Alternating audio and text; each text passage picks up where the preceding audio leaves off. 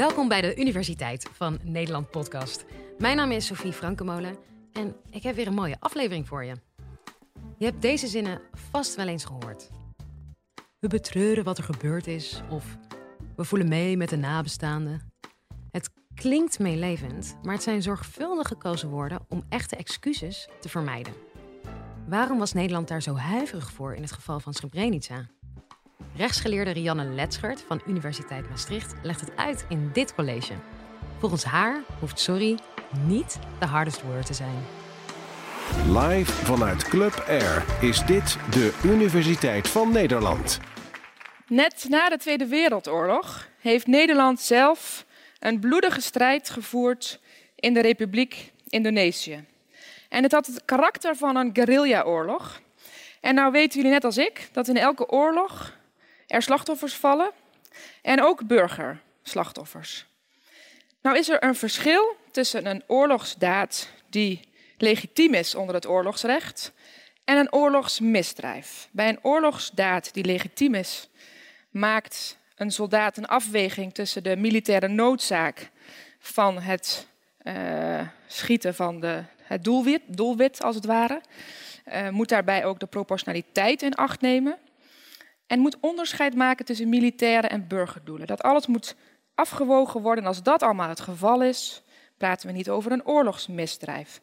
We hebben het over een oorlogsmisdrijf als mannen op een rijtje worden gezet en standrechtelijk worden geëxecuteerd. Dat wil niks meer zeggen dan vermoord. Dat is wat er gebeurd is in een dorpje.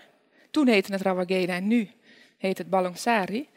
Op, in dat dorpje op 9 december 1947 gingen de Nederlandse soldaten op zoek naar rebellen die zich schuilhielden in dat dorpje. En later kwamen er verhalen naar buiten, verschillende verhalen, dat maakt het ook complex. Enerzijds verhalen dat er ongeveer twintig mensen werden, waren vermoord, maar er kwamen ook verhalen, onderzoeken moet ik zeggen, die zeiden er zijn 431 mannen en jonge mannen vermoord. De VN zei al vrij snel in 1948 dat de acties van het Nederlandse leger daar opzettelijk en meedogenloos was. Het is lastig. Het is een lastig deel van ons verleden. Lastig ook omdat de veteranen, die, of de soldaten die daar naartoe zijn gestuurd, om daar voor de goede zaak te vechten. En uiteindelijk zijn deze heren die het overleefd hebben, de veteranen, teruggekomen. En kom je terug in een situatie waarin wat je daar deed eigenlijk een foute oorlog was. En dan komt er ook nog discussie over oorlogsmisdrijven. Die situatie in Rawagede, dat was daadwerkelijk wel een oorlogsmisdrijf. Of daar zijn moordpartijen gepleegd. Er zijn nog discussies onder wetenschappers of dat formeel een oorlogsmisdrijf onder het recht was. Maar dat er moordpartijen zijn gepleegd, is duidelijk. En landen zeggen niet zo gauw sorry voor dat soort dingen. Ook Nederland niet. In 2009 startte er een rechtszaak voor een civiele rechter. Door nabestaanden van die mannen die op dat rijtje waren gezet en waren vermoord in 47. Oude dames, weduwen, die uiteindelijk de kracht vonden om in een Nederlandse rechtbank de Nederlandse staat aansprakelijk te stellen voor de schade die ze hebben geleden. hun man is vermoord. Dat betekende dat zij kostwinner werden in het gezin. En ook een excuses af te dwingen, want dat hadden ze in al die tijd nog niet gehad. De advocaat van de staat die zei: Dit is al lang verjaard. Dit was in 47 of 49, sorry. 2009. Dit, dit gaan we toch echt niet doen? Dat we zo veel jaren na dato een rechtszaak krijgen over deze, over deze kwestie. Het recht heeft verjaringstermijnen en die gelden. De rechtbank zei, nee, op basis van de redelijkheid en de billijkheid, een belangrijk beginsel ook binnen ons rechtssysteem, ga ik toch zeggen dat de verjaringstermijn opzij moet worden geschoven. En deze dames, deze oude dames die nog leven, het gaat over een misdrijf, wat ook toen een misdrijf was. Moord was ook in 49 een misdrijf. Die dames, die moeten schadevergoeding krijgen en excuses van de Nederlandse overheid. En dat kregen ze. Ze kregen 20.000 euro. En ze kregen excuses die de ambassadeur in 2011 uitsprak in Jakarta. Ten overstaan van de internationale gemeenschap, de internationale pers en de nabestaanden. Frappant detail om te vertellen hier is dat toen de dames terug naar, terug naar uh, Indonesië gingen, dat waren negen weduwen, ze in het dorp geconfronteerd werden met spanningen, want er waren natuurlijk veel meer nabestaanden in dat dorp, die niet die rechtsgang zijn gaan maken. En het dorpshoofd zei, ja dat is allemaal wel aardig, maar we gaan dat delen. We gaan dat geld bij elkaar leggen en we verwachten van deze negen dames dat ze dat bedrag delen. Die dames hebben dat gedaan. Daarvan werd ook gezegd van ja, oh, dat is toch ongelooflijk. Die dames hebben de kracht gevonden om die rechtszaak te starten. En nou onder druk van zo'n dorpshoofd delen ze het. Het was altijd een gemeenschap die heel erg in saamhorigheid met elkaar leefde, met elkaar ook de herdenkingen doorbracht. En nu ineens geconfronteerd waren met deze gevolgen van die rechtszaak. Wie vindt dat Nederland eerder excuses had moeten aanbieden voor de misdaden gepleegd in voormalig Nederlands-Indië? Rawagede is niet de enige zwarte bladzijde in onze geschiedenis. Veel meer recent, en dat zullen jullie ook veel meer op je netvlies hebben staan, is de situatie rondom Srebrenica. In 1995 was Nederland verantwoordelijk voor de bescherming van een enclave, Dutchbed geheten. En die enclave is onder de voet gelopen en 7000 moslimmannen zijn daar vermoord.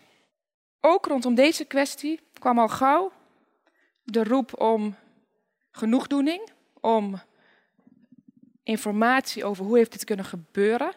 De vraag om Nederland of de Verenigde Naties die verantwoordelijkheid had voor deze operatie, was een VN-operatie, werd de vraag gesteld wie gaan we hiervoor aansprakelijk stellen. Nou, de Verenigde Naties heeft wat we noemen immuniteit.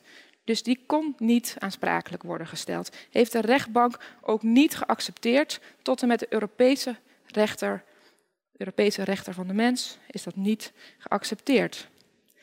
In 2002 is wel het kabinet Kok opgestapt en heeft daarmee politieke verantwoordelijkheid genomen op basis van een rapport van het NIOT dat onderzoek had gedaan naar de toedracht van deze val van deze enclave, maar nog steeds geen sorry.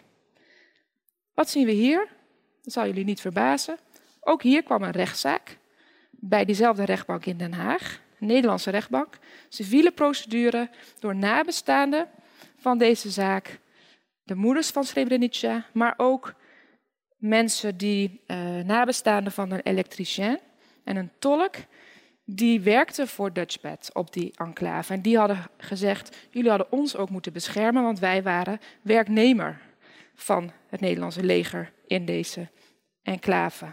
Ook hier oordeelde de rechter dat de nabestaanden die deze zaak hadden aangespannen, dat ze schadevergoeding moesten krijgen van 20.000 euro, weer hetzelfde bedrag. En dat uh, minister van Defensie Hennis excuses moest aanbieden. Wat betekent dat voor de slachtoffers, voor de nabestaanden? Dus je moet, om excuses te krijgen, naar de rechter gaan. En uiteindelijk bepaalt die rechter, Nederland moet excuses aanbieden. Wat is dan de waarde van zo'n excuses? Ik hoef volgens mij de vraag alleen maar te stellen. De formuleringen van dit soort, dit soort excuses is ook altijd heel bijzonder. Het is niet van wij bieden excuses aan of wij. Nee, het is vaak wij betreuren het, wij voelen mee, wij vinden het ernstig. Zorgvuldig gekozen woorden om dat echte excuses te omzeilen. Terwijl die excuses zo ontzettend belangrijk is voor nabestaanden, maar niet alleen voor nabestaanden, maar ook voor de samenleving als geheel, om het verleden een plek te geven. Een plek te geven waarin je met elkaar die dialoog kan aangaan, zodat het niet zwart-wit, want het is niet zwart-wit. Via zo'n rechtbank wordt het al gauw een zwart-wit verhaal. En we weten dat onverwerkte verledens uiteindelijk gaan etteren en leiden tot stinkende wonden. En niet alleen dat, wat we merken, dat merken we ook bij slachtoffers van gewone misdrijven, is dat als je die erkenning niet krijgt, je uiteindelijk die rechtsgang gaat zoeken. En dat je dan een juridisering van dat leed krijgt, die uiteindelijk voor het slachtoffer niet per definitie positieve gevolgen hoeft te hebben, maar wel tot claims, claimgedrag uh, gaat leiden. En is die angst voor claims, is dat terecht? Is het terecht dat een overheid denkt, als ik excuses ga aanbieden op regeringsniveau, dan komen juist die claims? Ik denk het niet. En al zouden ze dan komen, is dat dan zo onterecht? Dat als er dingen gebeurd zijn die echt niet kunnen, dat je dan als overheid zegt: we bieden excuses aan. En we gaan ook kijken naar die schade. En we gaan ook kijken hoe we aan dat verhaal antwoord kunnen bieden. Niet via die rechter.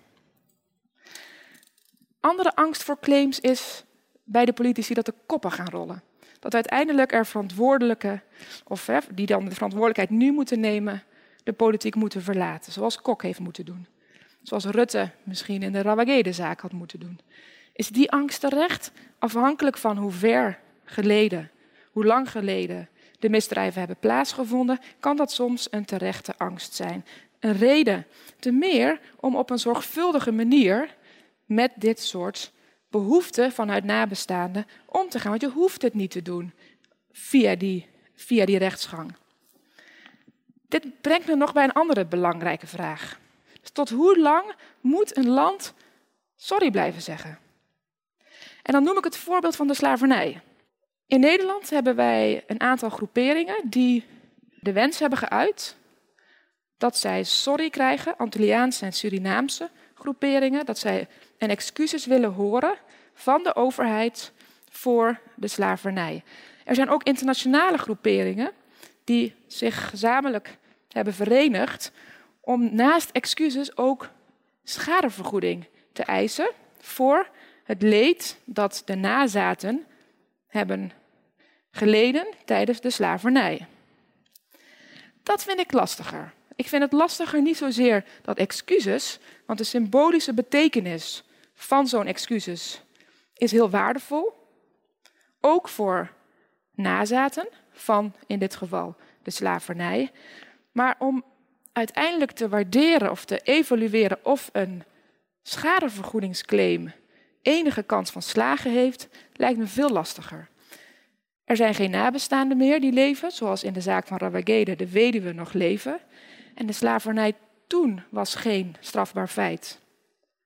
Dus daar ga je ook krijgen dat niet alleen de verjaringstermijn, maar ook het feit dat het toen geen strafbaar feit was, een rechter naar alle waarschijnlijkheid gaat zeggen: gaan wij niet nu veroordelen. Wil dat zeggen dat we daar niet met elkaar over moeten praten, over dat slavernijverleden? Jawel. Weer niet via die rechter.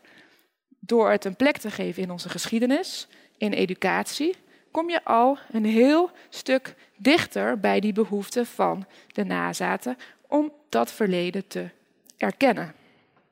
Ik begon het college met de vraag: waarom is het zo lastig om excuses aan te bieden voor landen? Het, dat, dat blijkt keer op keer uit angst voor schadeclaims en mogelijke politieke consequenties. Het afdwingen van excuses via gerechtelijke procedures heeft een hele erge nare bijsmaak en geeft de nabestaanden niet de erkenning waar ze naar op zoek zijn.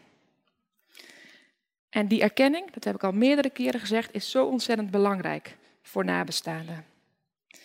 En wat zou het mooi zijn als de politiek dit soort inzichten die we uit wetenschappelijk onderzoek hebben laten zien, ook daadwerkelijk zou toepassen in hun eigen werk. Het zou heel veel kostbare en ingrijpende procedures schelen, daar ben ik echt van overtuigd. En belangrijker, het zal uiteindelijk de erkenning bieden aan nabestaanden en slachtoffers waar ze zo lang al om gevraagd hebben. Ik dank u zeer. Dit was Rianne Letschert. Ik hoop dat je het een boeiend college vond. Ken jij nou ook een wetenschapper die je hier graag een keer zou horen? Tip ons dan en stuur een mail naar podcast.universiteitvannederland.nl Volgende keer hebben we het over het bizarre verhaal van de oer-Hollandse tulp, die toch niet zo Hollands bleek te zijn.